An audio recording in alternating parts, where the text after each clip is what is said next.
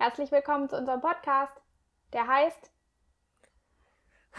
Ich bin gerade ganz müde. Aha. Vier ist am Tag der Podcast mit Benita und Anja. Und das ist die Novemberfolge. Richtig. Die 48. Wir hoffen, ihr seid gemütlich. Was? Die 48? Nein, er war ein Scherz. Ich hoffe, ihr seid gerade gemütlich mit einem Tee im warmen, schön bei euch zu Hause im kuscheligen November. Wir sind nämlich auch hier mit Tassen, mit heißem Kaffee, mit Schuss. Was ist jetzt nochmal der Schuss? Ähm, Cappuccino Sahne-Likör. Ein Hoch auf meine Freundin Lea, die mir den geschenkt hat. Grüße gehen raus an der. Schmeckt geil. Schön. Mm, nice. Ja, richtig gut. Vielleicht geht auch meine Müdigkeit gleich weg, wenn wir den Kaffee getrunken haben. Es wäre geschickt, weil es ist ein Phänomen, das ich rede ganz in unsere Sprache, merkst du eigentlich gerade, wie ich sage, es Er- er ist- ein Er ist ein Phänomen. Ähm, es ist schon ein Phänomen, dass ähm, die zweite, Pod wenn wir an einem Tag zwei Podcast-Folgen aufnehmen, mhm. ähm, dass wir dann, Bei der zweiten müde sind. ja. Für die, die gerade zuschauen auf YouTube, auch übrigens, ich muss es kurz loswerden, sonst fühle ich mich jetzt die ganze Zeit unwohl. Hä? Das- Ich glaube, ich habe zum 48. Mal, Den weil es Pulli ist ja auch die wieder an. 48. Folge, diesen Pulli an. Ich glaube, ich habe einfach jede Podcast-Folge diesen Pulli an. Das Ding ist halt, als du den noch nicht bei dir hattest, sondern der bei mir war, ich hatte ihn jeden Tag einfach an. Ich hatte auch richtig Angst, dass alle Leute denken, ich bin ganz eklig. Also es war ja eigentlich auch eklig, weil ich wüsste jetzt nicht, wann der gewaschen hätte werden können. So viel, wie ich ihn angezogen habe. aber ich finde, er ist halt, mir ist halt, ich, finde halt, man sitzt immer so und der ist halt, man findet ihn eigentlich in recht schicken Pulli so. Und aber er ist einfach schön warm. Und Ja, und ich habe ihn doch schon und so. hundertmal angefangen, angefangen, für uns auch noch in Beige zu kaufen. Weil ich halt echt so dachte, so, ja, ich will dort eigentlich nicht mehr einkaufen, aber dieser Pulli, wir streiten uns ja eigentlich um den und so. Deswegen muss ich ihn eigentlich einfach dort noch nochmal Mhm. bestellen in Beige. Aber ich habe es einfach nicht gemacht. Hm. Obwohl ich schon ganz oft in meinem Warenkorb hatte. Na gut. Also das wollte ich einfach nur sagen. Mm, Und Also sie wollte eigentlich damit sagen, dass sie manchmal auch was anderes anhat und das jetzt nur so wirkt, weil es in jedem Podcast so ist. Aber eigentlich haben wir jetzt gerade auch verraten, dass sie doch wieder nichts anderes anhat auch.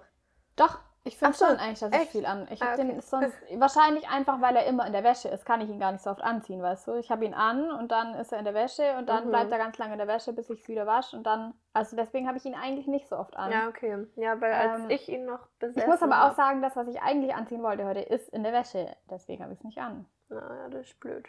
Ähm, Okay, Ja. hast du eine Freundschaft mitgebracht? Ich habe eine Freundschaft mitgebracht und es ist Cool. meine Lieblingsfreundschaft der Was? Welt. Ja, Echt? Und die Ähm. war bis jetzt, bis zur 48. Folge hast du die zurückgehalten. ja. Du bist ja krass. Ähm, sie ist meine Lieblingsfreundschaft. Und jetzt hast du mich gerade ganz verunsichert, ob ich sie schon mal gesagt habe, aber ich glaube nicht. Doch, bestimmt. Meine Freundschaft, die ich mitgebracht habe, ist Selena Gomez und Taylor Swift. Ah, nein. Hab ich noch nicht gesagt, gell? Mhm. Das sind meine absoluten Lieblingsbeste Freundinnen. Also, weiß nicht, Ich ob hab die beste, beste Freundin Gar nicht so dran gedacht, dass wir ja auch echte beste Freunde nehmen können. Dass ja nur darum geht, dass es halt vielleicht ein paar ZuhörerInnen irgendwie kennen, aber.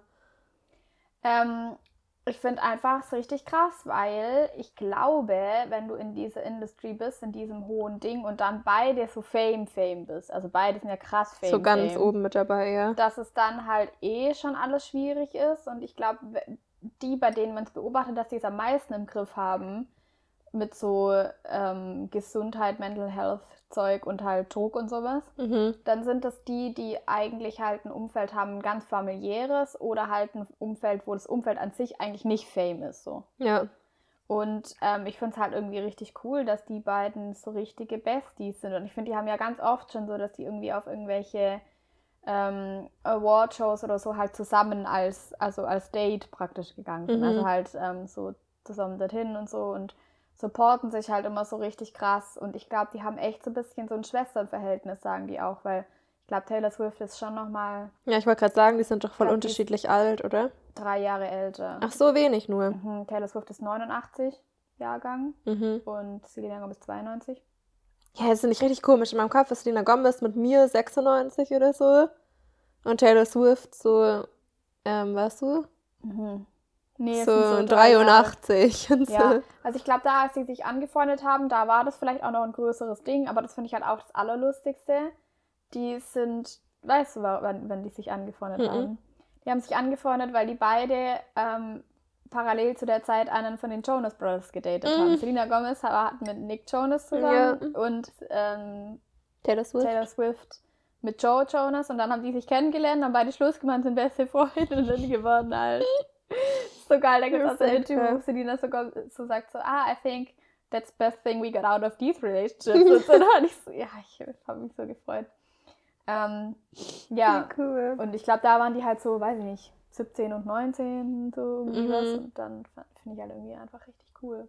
Und alle, die jetzt cool. nicht in diesem Game Disney, Celebrities, amerikanische ähm, Entertainment-Branche drin sind, die haben spätestens jetzt abgeschalten. Es tut mir sehr leid, weil ich bin da ziemlich doll drin und weiß ganz viel. Aber es interessiert wahrscheinlich gar nicht. Ich weiß ganz wenig, aber ich finde immer, wenn du so eine Sache sagst, dann springe ich irgendwie doch voll drauf an und denkst, oh, ich schaue jetzt tausend Sachen.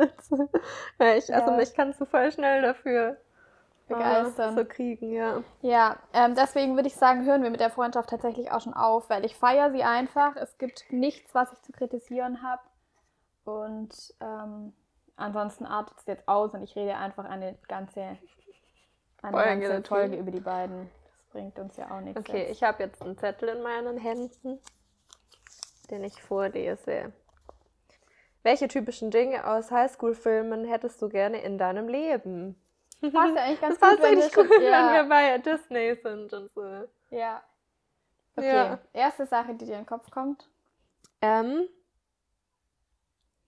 ich habe eigentlich gerade ernsthaft, aber ich glaube, das ist halt, weil ich so, wenn man jetzt gerade so in Corona ist und so, ähm, und alles so langweilig ist, habe ich gerade an so Partys gedacht, die in so Highschool-Filmen sind. Also an, dass die halt immer so ganz besonders sind. Dann hast du so einen Black-and-White-Ball und dann hast du ein, ähm, was so komische Motto-Partys, die so ganz witzig sind, wo alles wirklich so ganz, wo jeder wirklich so richtig mitmacht bei den Verkleidungen und so. Ich habe gerade so an das gedacht, aber ich weiß jetzt gar nicht. Ich fände es, glaube ich, schon auch nervig, wenn man davon viele hat. Weil ich finde, jedes Jahr wieder irgendeine Prom-Night und wieder irgendein ähm, Homecoming-Dings und dann noch jeder Geburtstag ist so eine richtige, weißt du, so eine richtig krasse Motto-Party und so. Das wäre schon auch richtig nervig, weil ich finde irgendwie nichts unnötiger, als dass man so Kostüme kauft und dann hat man die. Und dann ist nie wieder damit was und dann ist wieder ein anderes Motto und dann hat man da wieder was, was man nicht braucht. Also was ist so, finde ich schon Ja, auch wieder das war- dumm, aber ich Mhm. hätte es auch schon gerne in meinem Leben. Deswegen haben auch Janine und ich schon so oft. Stand aber auf dem Zettel, stand aber auf dem Zettel ähm, aus Highschool-Filmen. Ja, aus Highschool-Filmen. Ah, okay. Und ich finde, es kann ja so beides sein. Ich finde, es kann jetzt so sein, ich habe jetzt zum einen kurz so gedacht, so, ich hätte gerne auch einfach Filmmusik in meinem Leben, was ist so in echt, oder dass mein Leben wie ein Musical ist, was ist so. Aber gleichzeitig auch so was, was man halt in Amerika vielleicht auch einfach mehr hat, oder in den USA.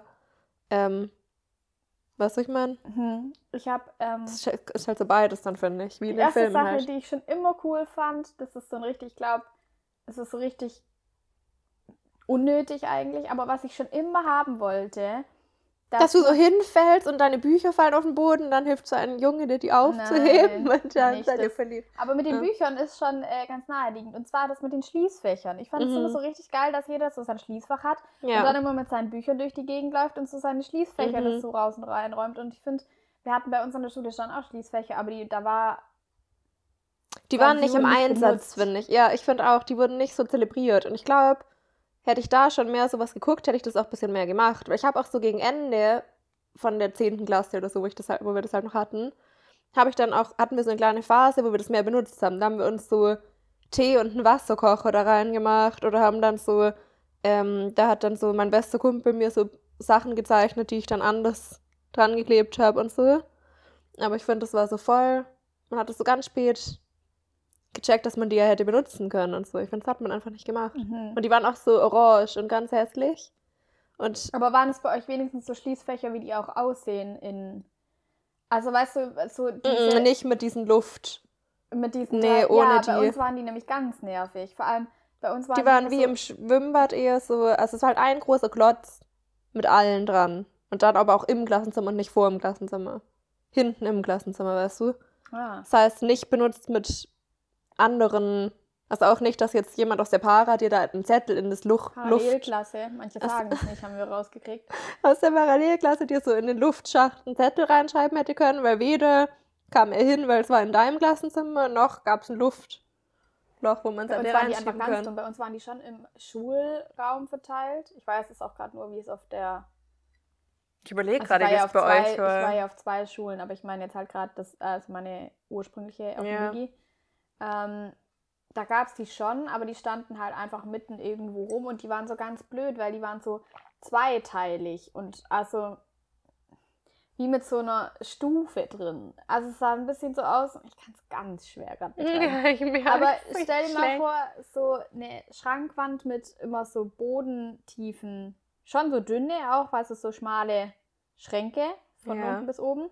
Aber dann ist praktisch in der Mitte als Muster wie von so einem von so einer Burg, weißt du, so die so, Ja. so, so Höcker, immer so hoch und wieder runter Ja. und wieder hoch und wieder runter so. Mhm. Und das war praktisch die Durchtrennung von, und dann waren es immer zwei Schränke, eine obere und ein unterer Part. Ah. Und die hatten dann immer so eine Kante irgendwie drin. Und das war halt richtig dumm. Wenn du den, den oberen hattest, war es ganz cool, weil dann hattest du wie so eine kleine Ablagefläche Mhm. und dann noch ein bisschen was Tieferes. ja. So. Aber wenn du einen unteren hattest, das war einfach auf dem Boden so ein Kackding, der, also es war einfach ganz blöd. Oh nein. Ja, ich finde halt auch, ja, ich finde, es kommt halt auch dazu, man hat sich halt auf, in der Schule nicht viel aufgehalten. Ich finde, gerade als wir dann so ein bisschen coole die Schließfächer hätten finden können in der 10. Klasse oder so, äh, da finde ich, hatte man nie Schule, immer ganz kurz. Man hatte nie, also ich finde sowieso irgendwie auf der Realschule hatte man ganz wenig Schule. Ich finde, ich fand das ganz schlimm, wenn andere gesagt haben, sie haben zweimal die Woche Mittagsschule. Da dachte ich so, Alter, ihr Armen. Und so, und dann dachte ich auch immer so, ja, oh, bis zur sechsten heute, krass. Und so. Ich weiß nicht, irgendwie habe ich so das Gefühl, dass ich nicht so viel Leben in der Schule hatte auch und so, dass man dann auch so dort geblieben wäre und dann so mittags vier Stunden mal hatte, sondern immer nur zwei oder so. Man hat nichts gebraucht. Man dachte, selbst wenn man kein Essen dabei gehabt hätte, hätte man so gedacht, ja, dann esse ich halt um drei, halb vier. Mhm. Bin ja dann wieder fertig. Ich bleibe hier nicht bis um sechs. Das finde ich, so. das finde ich halt auch wieder eine Sache, die ich ähm, auch irgendwie cool finde und doch selber überhaupt nicht so war, dass da immer, also es sagt, also ist ja dort auch allgemein in High- Highschool jetzt nicht im Film unbedingt so, aber deswegen zeigen die Filme das ja auch, dass praktisch so alle ähm, es viel mehr so Clubs und AGs gibt und das Mhm. ganze Social, also das ganze Ja. Vereinsleben sozusagen auch alles in der Schule mit integriert ist und so Ja. ähm, und die deswegen da viel mehr irgendwie so engagiert sind, weil das halt auch die ganzen Hobbys sind, die die irgendwie. Dann bist du so in einem Glee-Club und so. ja, genau. Ja. Das ähm, finde ich irgendwie mega nice, wenn das alles so da stattfindet. Andererseits war ich halt selber der un... Also ich bin halt keine Minute länger, als ich gewusst habe, in der Schule geblieben. Ich Mhm. bin halt so kurz vorm Klingeln gekommen und so, es hat geklingelt und ich war wieder zu Hause und bin, ich, Mhm. ich hatte das gar nicht, dass ich mich in der Schule irgendwie krass länger als nötig aufgehalten hätte. Mhm. Ähm, aber halt auch, weil ich ja zu Hause dann schon Beschäftigungen hatte und so wahrscheinlich. Mhm. Also ich hatte halt da dann einfach schon meine Hobbys und dann hatte ich Ja. Keinen Sinn, auch in der Schule zu bleiben, weil einfach das System ja anders ist. So. Mhm. Aber das fände ich eigentlich schon voll cool. Andererseits finde ich, hast du dann halt auch, wenn dir es dann in der Schule nicht gefällt und dann die Leute, du mit denen nicht klarkommst und so, dann bist du Hast halt du richtig keine gearscht. anderen, ja. Dann bist du halt richtig gearscht, wenn du in so einem System bist. Mhm. Und hier kannst du Ich finde schon wenigstens auch, so- dass es, glaube ich, also ich finde in so Highschool-Filmen, dass es mm, der Mobbing-Anteil halt immer so, also klar, das, es braucht ja auch eine spannende Handlung und dann Nee, jemand, der vielleicht unbeliebt ist und dann beliebter wird und so, aber ich glaube schon, dass es auch wirklich schlimmer ist. Mhm. Und ich finde, bei uns war das halt auch mehr so, vielleicht warst du in deiner, in deinem Fußball mega beliebt und so, aber halt in der Klasse nicht so. Mhm. Und dann war es auch nicht so schlimm, weil dann Mhm. warst du dort so der King und da halt nicht und so. Und dann finde ich, also weißt du, ist alles nicht so tragisch und das finde ich halt viel besser. Das finde ich eigentlich schon richtig crazy, wie einfach früher man ganz viel sich noch mit Beliebtheit befasst hat. Und dass es wirklich so ein Ding war. Gehörst du zu der beliebten Clique in der Schule oder nicht? Und so. Heutzutage kann ich das überhaupt nicht nachvollziehen, weil ich halt echt so denke, so, hä, es gibt keinen Mensch, bei dem ich irgendwie denken würde, so, du bist cool oder nicht. ja, also oder in wo dem, man so denkt, so, du bist bestimmt ein beliebter Mensch. Woher will man das denn wissen? Also wie würde sich das denn überhaupt Ja. äußern? So? ich wüsste gar nicht, wie sich's äußert und ich finde, ich wüsste halt auch nicht, wenn ich jetzt heutzutage sagen würde, der gehört zu den Coolen oder so. Ich würde gar nicht wissen, was damit gemeint ist, weil wenn jemand cool ist, meint man was ganz anderes heute. Man meint wirklich einfach, dass man die Person mag Ja, oder man so, ah, der ist cool. Und man denkt, ah, okay, chillig. Aber früher, wenn jemand zu Mhm. den Coolen gehört hat, dann war das ja nichts Gutes unbedingt. ja, ich finde, dann war das ja vielleicht jemand, vor dem du Angst hattest oder so. Ja. Und dann hast du gesagt, der gehört zu den Coolen oder der ist aber cool und so. Hä? Ganz, ganz Ich finde komisch. es ganz verrückt. Ich finde es auch ganz verrückt, weil ich ja die Schule gewechselt habe nach der 10. dann und mein Mhm. Abi auf einer anderen Schule gemacht habe. Und da war es ja auch so. Also, weißt du, Bist du da angekommen und wusste, dann hat man so gecheckt, wer man die hat Coolen ganz schnell sind. gecheckt, wer die Coolen sind und wer die nicht so coolen Ja. sind, wer die Schlaubis sind, wer die Schwänzer sind und so.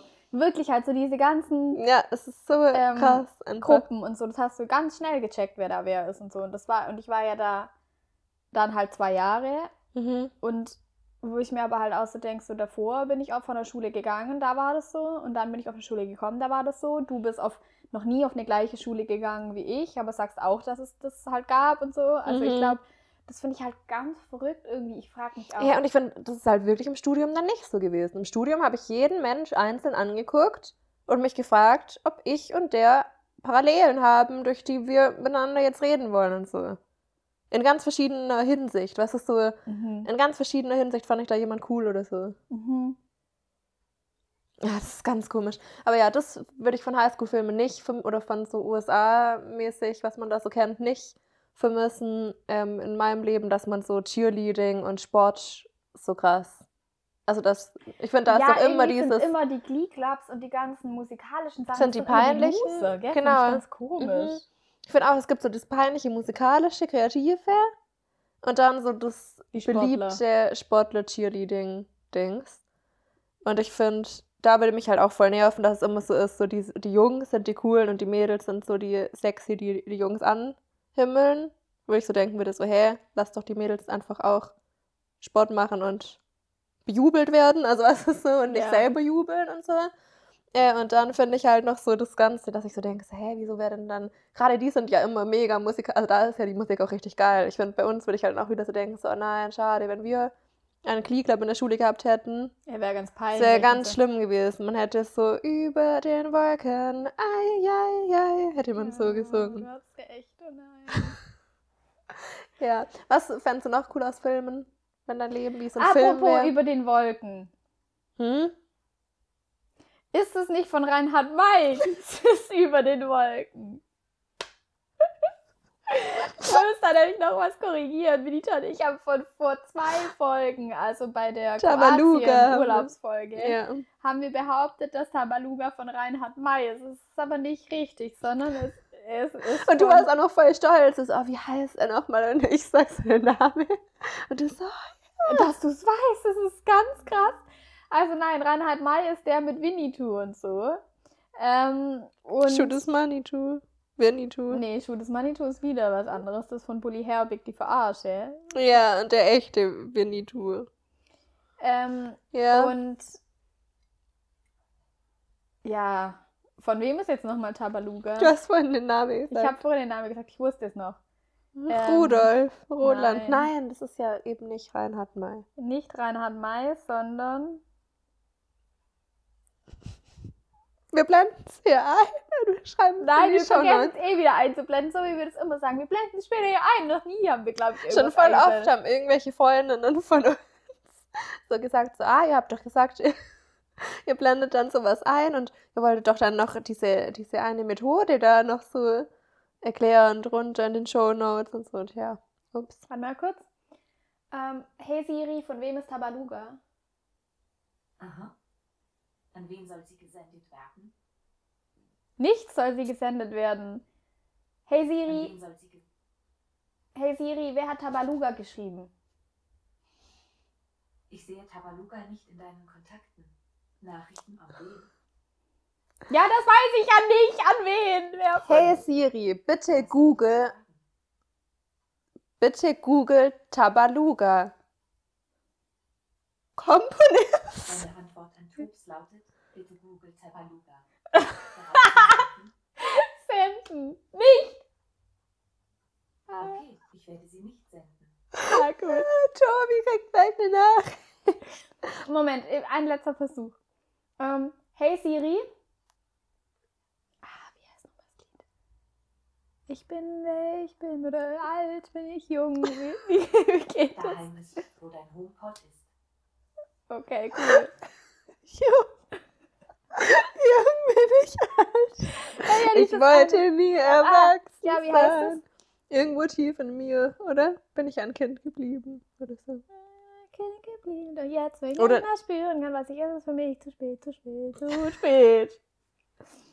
ähm, Entschuldigung, ich find's ganz so witzig. Nee, ich glaube, es heißt einfach, ich wollte nie erwachsen sein. hey Siri, von wem ist das Lied Ich wollte nie erwachsen sein? Ich wollte nie erwachsen sein. Messiahs Lied ist von Peter Maffay. Peter Maffei! Kumpel! Den habe ich gemeint, danke. Ähm, den habe ich gemeint. Ich kann es immer noch nicht fassen, dass du gerade das ganze Lied gesungen hast, nur um so, wollte ich nie erwachsen sein. zu spät, zu spät, zu spät. Ja, ich hatte gehofft, dass dann noch der Titel kommt. Ja. weißt du?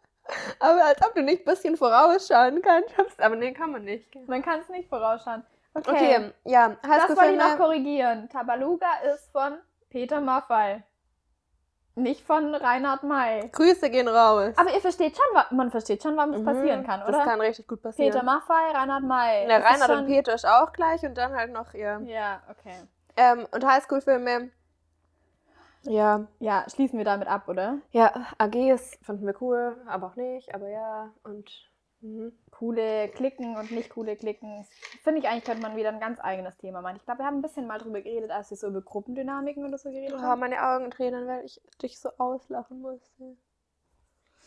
Eieiei, aber ich habe hier einen Zettel. Ui. Auswandern. Ich möchte gern auswandern. Ähm, Tatsächlich. Hä, pass, sind das gerade richtig gute Übergänge oder nicht eigentlich? nach Amerika. Weil ich finde, wir sind gerade so, wir sind gerade von Selena Gomez, ja. sind wir auf die Highschool-Filme und Disney und dann sind wir weiter zu USA und jetzt sind wir. Ja. Also ich finde, wir können ja. Ich kann mal kurz erzählen, was. Ja, ich würde auch in allgemein kurz ein bisschen ist. über Ausland, weißt du, was wir überhaupt so mit Ja, Ausland erlebt haben und was wir uns Ja. unter Auswandern vorstellen Ja. und so. Ja, was also eigentlich, was ich am Anfang nur sagen wollte, ist, dass ich voll mir gut vorstellen könnte für eine Zeit lang, wahrscheinlich nicht so forever ever, aber zumindest für eine Zeit lang würde ich gerne in den USA leben wollen. Westküste. Ja. Ähm, und wie lang, das weiß ich nicht. So lange, wie man halt Bock hat. Und halt dazu muss man halt mal ausprobieren, mag man die Kultur, findet man es cool, kann man da eine Zeit lang sein so lang einfach in Amerika zu sein und den Aufenthalt dort genehmigt zu bekommen, ist ja gar nicht das Allerleichteste. Also, ähm, genau, aber ich könnte es mir richtig gut vorstellen. Ich hätte da ultra Bock drauf, denn ich fühle mich einfach krass ähm, davon auch ein bisschen sozialisiert. Das klingt jetzt ganz komisch, aber schon als Kind war ich halt immer in dieser Disney, der amerikanischen Szene, was auch Musik angeht, der amerikanischen Szene, was Filme angeht Mhm. viel mehr drin, ähm, als je- jemals irgendwie in der deutschen war. Ich kenne mich in Deutschland nicht aus, was es in der Te- Entertainment-Branche gibt. Ich kenne keine Mhm. Namen, ich kenne keine Menschen, ich weiß nicht, von wem Tabaluga ist. Mhm. Also so, ich kenne mich ganz schlecht aus und dort kenne ich mich einfach ganz gut aus und finde halt, man, ich bin manchmal auch erstaunt, dass ich, glaube ich, also klar, so gut man das halt von der Ferne sagen kann, aber was das angeht, auch irgendwie mit der Kultur mehr viel aufgewachsen bin, obwohl ich ähm, da ja bisher nicht war. So. Aber Ja. deswegen würde ich halt gern mal hingehen, um zu gucken, ob es überhaupt wirklich cool ist und nicht. Und wenn es cool ist, dann echt zu sagen, okay, dann chill ich da jetzt noch eine Weile, solange man irgendwie sich, ja, und dann kommt man wieder zurück. Auch wenn es nur darum geht, dass man vielleicht weggeht eine Weile. Das habe ich auch letztens mit irgendjemand gesprochen, dass ich so Fernweh habe. Und Fernweh bei mir auch ganz oft einfach damit zu tun hat, du möchtest gern weggehen, damit du Bock hast, wieder zurückzukommen, weißt du? Ich Mhm. finde, das ist auch voll oft Fernweh, dass du dich dann einfach wieder freust, wenn du wieder hier sein darfst dann, aber dafür musst du ja erstmal weggehen, so. Mhm. Ähm, und das habe ich halt voll extrem. Mhm. Aber hast du. Oh, cool, ich sehe einen Heißluftballon von hier aus draußen fliegen. Ähm, aber hast du grundsätzlich. Ich glaube, du musst ich eher ein grad bisschen näher unbequem. Ja, ich bin gerade ganz unbequem und mein Mikro geht immer so nach unten.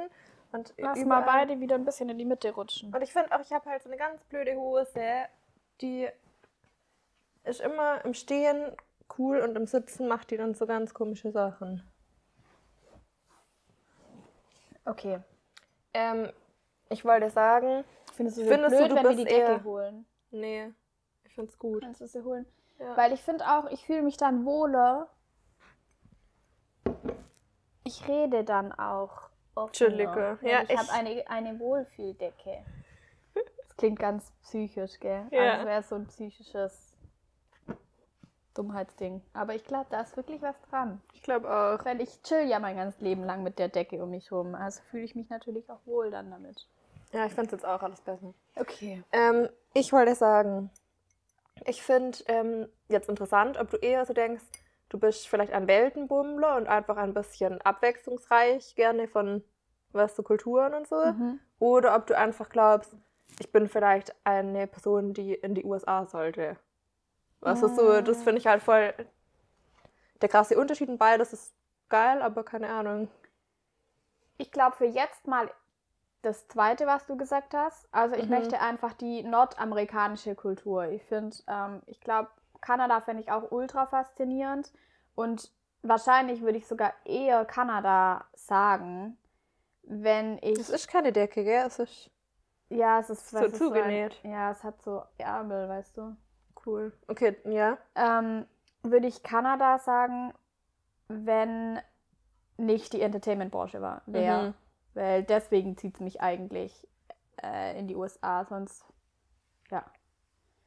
Ähm, und dann grundsätzlich reisen finde ich schon auch geil. Aber wenn ich mich für eins entscheiden müsste, wäre das zweite, was du gesagt hast. Mhm. Und das kann ich ja auch nur jetzt sagen. Stellt sich ja vielleicht raus, dass ich es dann für eine Reise geil finde und feststelle, ah nee, es war nur mein als, als nächstes Reiseziel, was so in mir geschwelgt Mhm. hat und jetzt habe ich ein anderes Reiseziel. Das kann schon sein, aber für den Ja. Moment würde ich jetzt mal das zweite sagen, was du gesagt hast. Ja. Bei dir Okay. bist du ein. Findest du, du bist ein Ähm, Reisemensch? Ich würde eigentlich schon denken, dass ich ein Reisemensch bin, weil ich auch richtig schnell Fernweh kriege eigentlich. Und ähm, ich weiß nicht, ich finde auch, bevor wir in Tansania und auf den Philippinen waren, dachte ich auch wirklich, dass ich eigentlich eher auswandern müsste, so irgendwann. Oder halt zumindest für eine Zeit. Und ich finde, ähm, wie du es halt auch gesagt hast, man lernt Deutschland so richtig zu schätzen wenn, oder zu Hause richtig zu schätzen, wenn man woanders ist.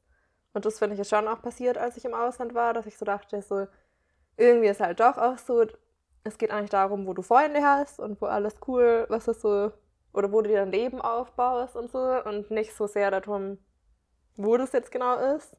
Und halt irgendwie, dass ich auch Deutschland so richtig lieben gelernt habe, dadurch nochmal. Ähm, aber ich finde irgendwie trotzdem, also ich glaube schon, dass ich immer längere Phasen irgendwo hin muss. Irgendwie. Also ich glaube schon, dass ich ähm, nicht nur Urlaub machen kann, was so von zwei Wochen, sondern ich glaube schon, dass ich so jemand bin, der irgendwie drei Monate dahin möchte, drei Monate dahin, ein bisschen tiefer als ein normaler Urlaub, Einblick kriegen in eine Kultur, ein bisschen intensiver reisen oder so. Also ich weiß nicht, irgendwie Mhm. stelle ich mir das trotzdem so projektmäßig vor, dass ich da und da einen Missionseinsatz machen will oder da und da ein YouTube-Format machen will. Also weiß nicht, irgendwie finde ich, interessiert es mich zu arg, ähm, wie es in anderen Ländern ist und auch so Kulturen kennenzulernen, als dass ich jetzt sagen würde, so, ja, nee, ich bleib jetzt und siedel mich fest äh, in Freudenstadt und dann mache ich aber halt nur zwei Wochen Urlaub in anderen Ländern und so. Ja, ich finde, reicht ich glaube, es gibt, dann- kommt dann halt auch ein bisschen drauf an, welche ähm, Länder man auch wieder sieht. Also zum Beispiel, keine Ahnung, Thailand ist bestimmt geil für eine längere Zeit. Fände ich aber auch, das ist jetzt so das Klischeehafteste, an das man denken kann. Aber so ein Thailand-Urlaub für zwei Wochen würde ich schon auch mitmachen und würde halt sagen, okay, das ist ein Urlaub. So. Mhm. Oder auch Kroatien. Ich meine, das ist so das sowieso, wo jeder ja hingeht, so Mhm. gerade hier in Süddeutschland. Ähm, oder Frankreich oder solche Sachen, weißt du so? Ich Mhm. finde das nochmal ein Unterschied zu dann so wirklichen Kulturen, die mich wirklich interessieren. Also so, ich glaube, also gerade so, ähm, Kanada, USA. Kanada, USA, also Nordamerika sind so Kulturen oder auch zum Beispiel United Kingdom, also England und Mhm. so. Ähm, solche Sachen, wo ich halt denke, ah, da habe ich echt Bock, so mehr reinzugucken. Zum Beispiel, was, mich, was ich auch schon richtig immer faszinierend fand als Kultur, ist Nepal. In Mhm. Nepal würde ich voll gern mal eine Weile bleiben. So. Mhm. Ähm, und ich weiß gar nicht, warum es mich da so hinzieht. Nepal ist bestimmt auch ein Land, wo du gut einfach zwei Wochen Urlaub machen kannst und geile Sachen ziehst, aber da Mhm. zieht es mich so kulturmäßig hin. Mhm. Nach Thailand zieht es mich urlaubmäßig hin, weil ich mir denke, weiß ich nicht, da kannst du halt billig geilen Urlaub machen. So. Mhm. Und die Kultur ist auf jeden Fall was, was ich mitnehme, aber das wäre nicht Mhm. so. Das wäre nicht dein Hauptfokus oder warum, du, warum es dich jetzt hinzieht. Ja, ich finde halt irgendwie, wenn ich so an richtiges Auswandern denke, ähm, das finde ich schon irgendwie ultra krass, wenn Leute das machen. Und die damit auch wirklich meinen, so ich wandere aus im Sinne von, tschüss, ich will nie wiederkommen. Eigentlich sowas, was so finde ich schon irgendwie richtig krass. Und ich denke irgendwie aber auch eher, so, ja, zum Glück hat man ja ganz viele Phasen im Leben, wo man dann auch so fast ein halbes Jahr oder so weggeht. Aber ich finde, wenn ich jetzt nachdenke, die sind ja vorbei. Also was so FSJ, Auslandssemester, diese Sachen sind ja eigentlich vorbei, wo Wenn man dann noch ein halbes Überbrückung Jahr oder ein Jahr. Genau.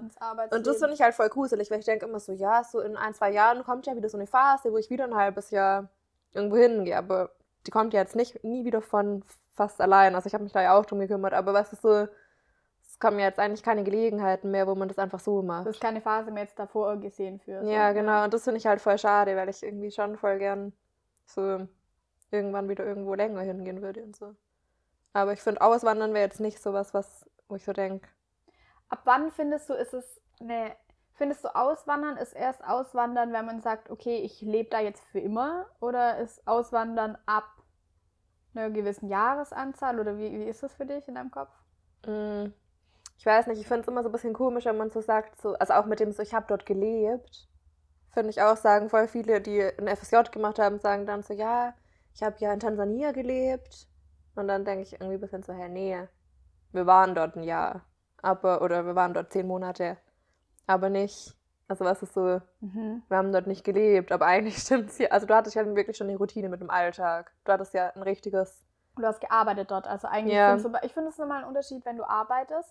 Also das, glaube ich, ist so das. oder Urlaub machst Arbeitest dort. du dort? Ja, hast du einen Alltag dort oder lebst du- nicht? ja. ja. Und ich glaube aber auch, was ein bisschen daran noch hängt, ähm, du gehst, und ich glaube, das ist für mich der Unterschied, du gehst für einen gewissen Zeitraum hin. Du weißt, Wann ein Rückflug ist, Ja. ungefähr. du ja. weißt, also so, ich gehe für 10, 11, 12 Monate Ja.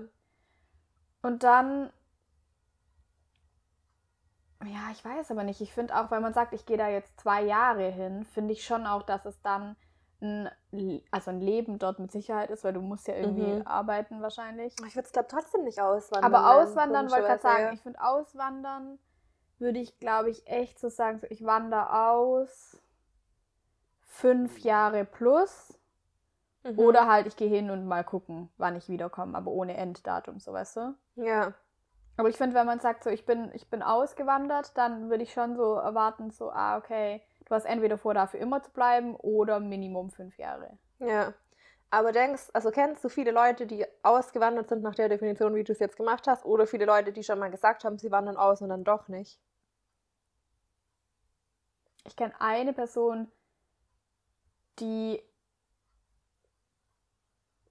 Also ich kenne eine Freundin von dir, die halt vor ihrem FSJ gesagt hat, ah, vielleicht ist es voll was für mich, ich gehe in das Land und Mhm. gehe in Mission und so und hat dann festgestellt, ach du meine Güte, das ist überhaupt gar nichts für mich. Nein, nein, nein, nein, nein. Mhm. Ähm, Ich kenne echt nicht viele Leute, die ausgewandert sind, außer mein Bruder. ja, und ich für den Ja, dann voll nah. Also mein Bruder halt, aber sonst niemand. Ja. Nee, ich kenne auch ähm, Vereins, also ich kenne tatsächlich jetzt so vom, auch so, ich kenne jemanden, der jemanden kennt und so, Mhm. kenne ich tatsächlich äh, eine Handvoll, die in die USA ausgewandert sind Mhm. und auch ganz crazy ähm, einfach alle direkt dort heiraten. Mhm. Weil, und dann finde ich es halt immer gruselig, weil du da das echt was mit dem Visum zu tun hat. Mhm. Du halt einfach ein Visum kriegst ab, also kein, also ich weiß nicht genau, wie die Visa-Regelungen da sind, aber halt, ähm, du musst erstmal hoffen, dass du, also ein Jahr halt bleiben darfst und Mhm. dann nochmal, wenn du in dem Jahr dann Arbeit hast, dann kannst du vielleicht halt auf Arbeitsdings und Ja. so, äh, Fortbestand und keine Ahnung. Aber eigentlich ein richtig langes Visum ist in den USA unmöglich zu kriegen, außer du heiratest. Mhm. Ähm, und ich finde es erstaunlich, wie viele dann einfach gesagt haben, okay. Also, natürlich Ja, nicht ich so weiß von schon, wegen, aber weißt du, du überlegst dir schon so, naja, habt ihr jetzt wirklich geheiratet, weil ihr schon ready wart oder habt ihr jetzt geheiratet, Mhm. weil es schon halt auch geschickt ist so. Ja. Ähm, ich finde so wie mit Christen, die sagen, kein Sex vor der Ehe, denen auch immer unterstellt, ihr habt nur geheiratet, damit ihr Sex haben dürft. So. Ich finde so, äh, es ja, ist es halt, ist so eine kleine Unterstellung und man weiß auch, dass es nicht stimmt, aber man denkt auch so, aber ja, stimmt vielleicht auch. Ja, aber dann denkt man sich so andererseits, ich Macht weiß ja schon irgendwie nicht. Und dann finde ich es immer Ja. ganz komisch, weil ich mir so denke, das machen ja dann, das finde ich halt auch, also es, ja, jetzt muss ich übel aufpassen, dass man nicht in irgendeine ra rassistische Ecke hier gedrängt wird. Aber Ja. ähm, ich finde, als wir in Tansania waren, ähm, da wurde uns doch so auf der Straße hinterhergerufen, so, "Oh, will you marry me? Und so, und man hat es Mhm. natürlich nicht ernst genommen, aber da war das so ganz klar dieses, du bist weiß, ich nehme mal an, dass du deswegen ganz viel Geld hast und Mhm. heirate mich, dann kann ich nach Deutschland. Das war ja, Ja. ein ganz offensichtliches Mzungu, Ding. give me my money. Ja, richtig. So dieses ganz offensichtliche, so ich möchte nach Deutschland, können wir heiraten dafür. Ja. Und du dachtest dir so, äh, nein. Ja. Und das finde ich halt ganz komisch, dass das ja andere Kulturen, also wenn das jetzt ganz krass über einen Kamm geschert, wenn das jetzt Deutsche in Amerika machen. Mhm. So, kommt ein Deutscher und sagt, so kannst du mich heiraten, dass ich in Amerika bleiben kann. Mhm. Weißt du, das finde ich irgendwie, wo ich mir so denke, das ist doch gruselig irgendwie. Ja, voll. Das ist schon richtig komisch. Ja. Aber ja, es ist halt nicht so leicht, irgendwo zu bleiben. Das finde ich schon auch schlimm. Dass man nicht sein darf, wo man will. Also, weißt du, ich meine? Ja, Einfach. Kann, ja, du kannst nicht sagen, so, ich bin ein Mensch, ich bin auf dieser Welt und ich lebe dort, wo es mir gefällt. Mhm. Das hat sie viel zu gut geflügelt. gefällt. ja, das eben Ja. nicht sagen. Ja. Schon krass. Schon richtig komisch. Und ich finde aber jetzt gerade auch noch irgendwie voll interessant, ähm, wenn man Dass es dann auswandert. auch, Entschuldigung, aber dass Ja? es dann auch einfach Länder gibt, die so sagen, nein, du Darfst darfst nicht nicht. bleiben. Und so, und man sagt so, hallo, ich möchte gerne leben. Nein, das wollen wir nicht. Du bist Ich nicht von das hier. auch richtig Das ist schon- komisch. Ja, weil ich finde gerade inzwischen wird ja zum Glück auch alles immer so viel mehr, also was ist so kunterbunt auf der Welt, wo man ist. Also was ist so, jeder ist überall und ist so. so, Ja, das genau. So Ja, so. genau. Ich finde es richtig schön. Und dann denke ich mir aber auch so, ja, aber trotzdem darfst du dann einfach woanders nicht sein und so und bist dann so ein Fremder, der hier nicht bleiben darf und kein Aufenthaltsdings bekommt. Ich finde es ganz Das ist ganz verrückt crazy. Ja. Und ich finde, wir sagen das ja aus dem luxuriösesten Standpunkt heraus, wo man ja, das dass wir sagen ja, kann. Ja, und halt, weil man einfach woanders sein will, weil es einem hier man gefällt halt, und ja. so und nicht, weil es Weil man irgendwie schlimm irgendwie zu Hause ist. muss, so, ja.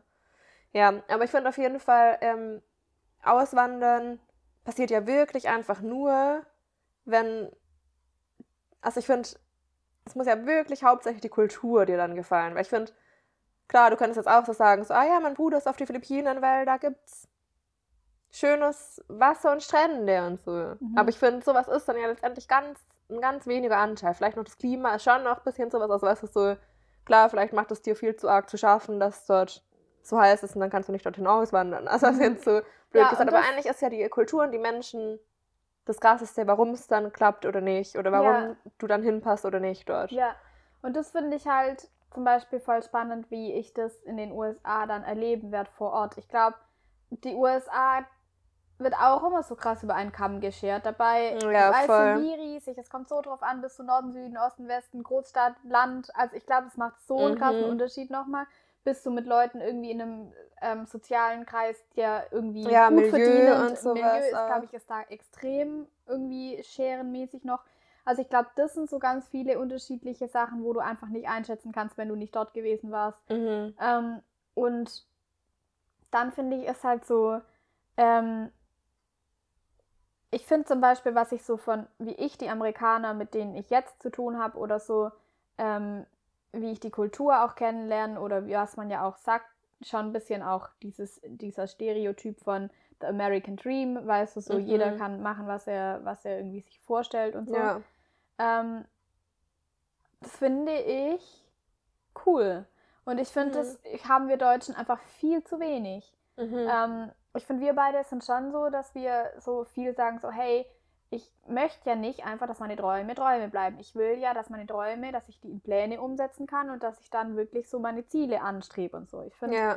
und das habe ich ganz extrem mir von der Kultur abgeguckt, muss ich ganz klar sagen. Weil die Kultur bei sowas sehr viel optimistischer ist und auch sehr viel risikofreudiger und so Mhm. voll ähm, dem eher nachstrebt, weil das bei denen wirklich einfach ein kultureller Antrieb ist, den die Ja. da mehr haben. ja. Und den da merke ich voll, den habe ich daher gekriegt. mhm. Ähm, und ich dann manchmal. Und das war auch genau, was in Tansania uns gefehlt hat, wieder. Ja. In Und die ganz, aber ganz, auch- ganz extrem andere Richtung, was Ja. ja voll verständlich ist für Tansania. Ich aber auch hier erschreckt, wie hier das auch in Deutschland ich das ganz wenig sehe. Auch in vielen Sachen, wenn es dann so darum geht, ähm, neue Dinge auszuprobieren oder Sicherheit ist in Deutschland voll groß geschrieben. Ja, und und halt so groß, dass du halt dadurch, manchmal habe ich so das Gefühl, deinen Spaß verlierst, weil du gar kein Risiko mehr eingehst. Oder ähm, gerade was, und das sehe ich auch, finde ich, so ganz viel in meinem Arbeitsalltag, was so Unternehmensberatung und äh, das alles angeht, dass auch Unternehmen ganz wenig vorangehen im Sinne von, wir modernisieren alles mhm. ähm, weil die einfach so krass festhängen an diesem, äh, wir sind ja erfolgreich und wir waren ja gut und dann denke ich mir so, ja, aber es ist halt nicht mehr die 80er so. Mhm. weil es in den 80ern gut funktioniert hat, wenn ihr es weiter so macht, dann werdet ihr nicht mehr gut sein, weil die anderen Länder oder andere Kulturen sind nicht so verkrampft am Festhalten von alten Mhm. Dingen. Die gehen weiter voran und die sind, also, und das finde ich, haben, kommt Deutschland, hat das halt ganz extrem Ja. ähm, stelle ich irgendwie gerade immer wieder fest, das ist vielleicht auch so ein Ding, so wenn du es einmal siehst und dich mit dem Thema beschäftigst, siehst du es Mhm. so überall. Ähm, das sehe ich aber. Ja, gerade sagt auch jeder, viel. wie dieser Effekt heißt, wenn du dann alles wieder siehst. Ich finde, du machst es voll oft, dass du sagst so, man hört ein neues Wort und plötzlich hört man es immer und jeder Ja, sagt plötzlich und so und- dafür gibt es ja auch wieder Namen. Ja. Und seit ich den Namen wusste, ist das gleiche mit dem Namen auch wieder passiert. Dass nämlich jeder immer den Namen gesagt hat von diesem, Ja, ich habe den auch. von diesem ähm, Effekt halt wieder, Ja. der halt macht, dass du denkst, jetzt plötzlich redet jeder drüber, Ja, was hat jeder ich schon hab- immer drüber geredet. Ich habe das auch letztens irgendwann erst gehört von Vera Birkenbiel, coole Frau, von der rede ich, glaube ich, oft. ja, die, äh, die hat es irgendwann mal cool. letztens erst gesagt. Also nicht letztens, also letztens tot. hast du es eigentlich. tot, aber ich habe es letztens gehört von ihr. Ja. Ähm, ja, Ja, und das ich weiß, finde wie du halt, meinst. Ja, und das finde ich ist halt ähm, was, wo, wo man dann, ich mir so denke, hey, warum können wir nicht ein bisschen davon und ein bisschen davon haben? Warum müssen wir so extrem so in eine Dings Mhm. sein? Und dann fand ich es richtig spannend, oh, wo habe ich das jetzt wieder gehört? Dass irgendwie man sagt, Wir sind mit unseren Quellen richtig schlecht. Es tut mir so so schlecht. leid, was unsere Quellenangaben anbelangt. ja, das ist richtig. Aber dass Nur jemand Cleveres hat mal gesagt. dass Kulturen ander, also dass irgendwie, ich glaube, das haben irgendwie die Chinesen gemacht oder in irgendeiner Religion, irgendwas Asiatisches hat gesagt, hat das mal, hat so gesagt, dass die verschiedenen Bereiche in verschied den verschiedenen Elementen zuzuordnen sind. Und wir Nordeuropäer sind Stein, also Erde. Ach, Ähm, die Elemente, wirklich die Mhm. Wasser, Erde Ja. und so, ja. Und ähm, die sind deswegen halt krass stabil, so im Ja. wahrsten Sinne des Wortes. Was du in ganz vielen ist Sachen ja stabil, merkst. Junge. Ja, richtig. Ey. Aber dafür halt auch ganz träge. Dafür wieder und unflexibel und so. Mhm. Äh, und stubborn. Und die, zum Beispiel Asiaten, glaube ich, war dann, die, die ähm, dem Element Wasser zugeordnet Mhm. sind und deswegen sehr viel flexibler und irgendwie Mhm. anpassungsfähiger im wahrsten Sinne des ja. Wortes und so und irgendwie Mhm. so. Und dann dachte ich mir so, boah, krass, als ich das gehört habe. Und dann habe ich mir gedacht, Erde würde ich wirklich am wenigsten sein wollen von den Elementen, so wie sie da ähm, gesagt, also beschrieben, beschrieben sind. Ähm, und ich glaube, ich habe das viel mehr in mir und wahrscheinlich, wenn es mir jetzt fehlt und wenn jemand mir meine Sicherheit und meine Stabilität nimmt und so, dann hätte ich ultra das Problem damit. Ich finde, sowas Mhm. merkst du ja oft dann wirklich erst, wenn du weg Mhm. bist, so. Oder Ja. wenn du in eine andere Kultur gehst, um dann zu sehen, Mhm. ah, scheiße, hier gibt es kein gutes Gesundheitssystem in Amerika Ich zum find, Beispiel. ja. Oder keine Healthcare oder sowas, wo du denkst, Ich ah, finde, okay. man wird auch ganz, ganz deutsch plötzlich, wenn man woanders ist. Mhm. Ich finde, wie du jetzt gesagt hast, wir, da- dass du so denkst, so, ja, wir sind doch voll amerikanisch geprägt oder voll von den USA geprägt und so. Und dann waren wir in Tansania. Ich finde, wir waren die größten deutschen, Deutschen. Kartoffeln.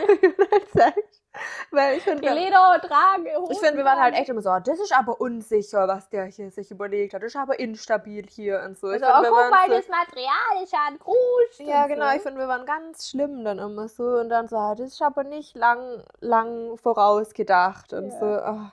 Finde, man wird Ja, dann, man, das ist die beste Selbstreflexion wirklich halt, wenn du in, Ja, und eine deswegen halt Kultur auch fer kommst. Fernweh, Fernweh im Sinne von, dann kann ich einfach mal wieder ein bisschen mich besser einschätzen im Sinne von, wie tick ich eigentlich, weil ich ja dann doch deutscher Mhm. tick als gedacht. ich will So. auch, ich habe auch manchmal ganz krass das Bedürfnis, meinen Horizont zu erweitern. Einfach weil, also weißt du, weil ich so das Gefühl habe, ich, Ja, oder. ich äh, stehe sonst in mir fest, wenn ich jetzt nicht mal wieder ins ja, Ausland genau. gehe oder so. Ja, echt so. Ich bin dann, ich habe einen Stillstand in mir und ich wollte gerade so ganz irgendwie komisch, esoterisch hätte es geklungen, so zu sagen, so ja, und ich möchte mich ja wieder spüren. Und deswegen möchte ich Ja. ins Ausland. Aber ich finde das schon so ein bisschen dieses, du gehst ins Ausland und spürst mal wieder, wo stehe ich, wer bin ich und wie ticke ich eigentlich. Und das finde ich, merkst, den, das Gefühl dafür verliert man irgendwann, wenn man immer im gleichen Umfeld ist. Ja. Ja, ich finde, du kriegst wieder einen anderen Blick auf dich und auf dein Land und auf deine Kultur und so. Und ich finde, du kriegst aber halt auch einfach neue, du kannst lernen von den anderen. Und ich finde aber auch, du kannst halt einfach, ähm, wie, wie sagt man? Hm. Ja, ich weiß nicht. Man kann, halt- also ich finde, man lernt einfach die andere Kultur ja auch kennen. Ja, Also ich finde, es ist ja, es geht halt in beide Richtungen. Ich glaube, das vergisst man manchmal, dass man ja nicht nur die an, weil man lernt nicht nur eine andere Kultur kennen, mhm. sondern man lernt gleichzeitig seine Kultur besser verstehen oft. Das fand ich war bei uns in Tansania ja ganz krass. Mhm. Dass wir erst Dinge Deutschland gecheckt haben, als wir nicht mehr in Deutschland waren. Ja. Ah ja, und was ich gerade noch sagen wollte, das ist halt bei mir auch sowas. Das ganze privilegierte was, Thema, was wir immer reden, ich finde, es kommt bei uns ganz oft hier im Podcast, dass wir so denken, so, boah, wir, sind, wir haben es einfach so gut und so, also so das. Mhm. Ich finde, ähm, ich möchte auch ganz oft einfach, so blöd es halt klingt, wieder ins Ausland, um mal so einen größeren Blick zu kriegen für, wie ist eigentlich die Weltverteilung, was, also was ist so, Wie wo- privilegiert sind wir eigentlich ja, wirklich? und wo so. könnte ich eigentlich jetzt mal ernsthaft, also wofür sollte ich jetzt meine Augen mal wieder öffnen und nicht verschließen und dann halt nicht als Touri irgendwo zu sein und alles zu genießen und noch mehr auszubeuten, weißt du so, sondern dann halt mal wieder so länger dort zu sein, bis du die Menschen verstehst und verstehst, was du eigentlich Sinnloses zu Hause machst, du so. Ja, oder vielleicht sogar im, im krassesten Sinne verstehst, wie du das Leben von denen beeinträchtigst aus Deutschland. Mhm. Also, Mhm. was mache ich für die Leute hier, die hier leben, schlecht mit meinem Leben, wie ich es in Deutschland führe? Ja, das genau. passiert ja. Ja, Und das finde ich halt ganz erschreckend. Und deswegen finde ich, macht tu nur Touri-Reisen halt für mich zumindest keinen Keinen keinen Sinn. Sinn. ja, das finde ich auch so. Okay. das war jetzt schon wieder sehr lang, was wir über ein Thema geredet haben, gell? Tatsächlich würde ich auch keinen weiteren Zettel mehr ziehen, weil das Aber wir hatten zwei, oder? Immerhin. Auswandern und dieses Highschool-Ding. Mhm. Ja, wir sind ganz stolz auf uns, weil es hat sich so eingeschlichen, dass wir irgendwie nicht mehr viele Themen ziehen, sondern halt lange labern. Aber Aber ich finde, heute hätte man echt denken können, dass wir so aufgebaut haben, die Zettel an sich, wie sie so kommen, weil es wirklich halt eigentlich. das wäre ja ganz unauthentisch, es Anja, wäre sehr unauthentisch. gemacht hätten. Oh, dann hättest Ähm. Ja, da brichst du einen Riesenfass mit an.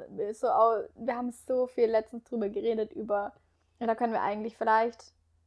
Weiß nicht, ob wir da die nächste Folge drüber machen. Ähm, könnt ihr ja mal schreiben in den Show Notes. Wir haben das im Podcast geredet. Über authentisch Echt? sein. Ja. Und ob man dann schon wieder nicht authentisch ist, weil man. Das. Haben wir das im Podcast geredet? Ich finde es so peinlich, wenn Anja mich nicht hätte, würde die jetzt die nächste Folge so genau über das machen. Der Titel ist sogar, wenn man authentisch ist, ist man dann wieder unauthentisch, glaube ich, oder irgendwie Echt? so. Ja. Ah, das wollte ich jetzt gerade fragen, ob euch das interessiert und dann können wir die Folge. Nee, aber da hast du auch schon gesagt, wir haben noch nicht alles gesagt und wir könnten mal eine extra ganze Folge darüber machen. Hast du da schon auch in der Folge auch gesagt. Ah. Deswegen könnten wir schon auch immer noch machen. Also, Hey, und ich denke irgendwie immer, dass Benita gesagt. von uns beiden die vergesslichere ist. Aber in dem Fall, ich bin ganz schlecht. Ich weiß es einfach nicht. Ja, Anja hat auch vergessen, dass sie den Pulli jedes Mal anhat. Ich oh, heute jetzt sich mal was richtig Nein, Cooles im nein, nein, bei dem Pulli kann, hätte ich, das wäre ganz komisch, wenn ich das nicht gecheckt hätte, weil Das hätte, hätte ich schon, hab ich schon gecheckt. Okay. Ja, ihr könnt ja mal in die Kommentare schreiben, ähm, ob ihr gerne auswandern würdet. Ähm, ob, Ob ihr viele Leute kennt, die ausgewandert sind und so. Das würde mich halt. Ja. Ich, ich kenne so wenig Fälle, deswegen mich interessiert es echt, ob das einfach Leute machen. Ob es einfach viele Leute in andere Kultur.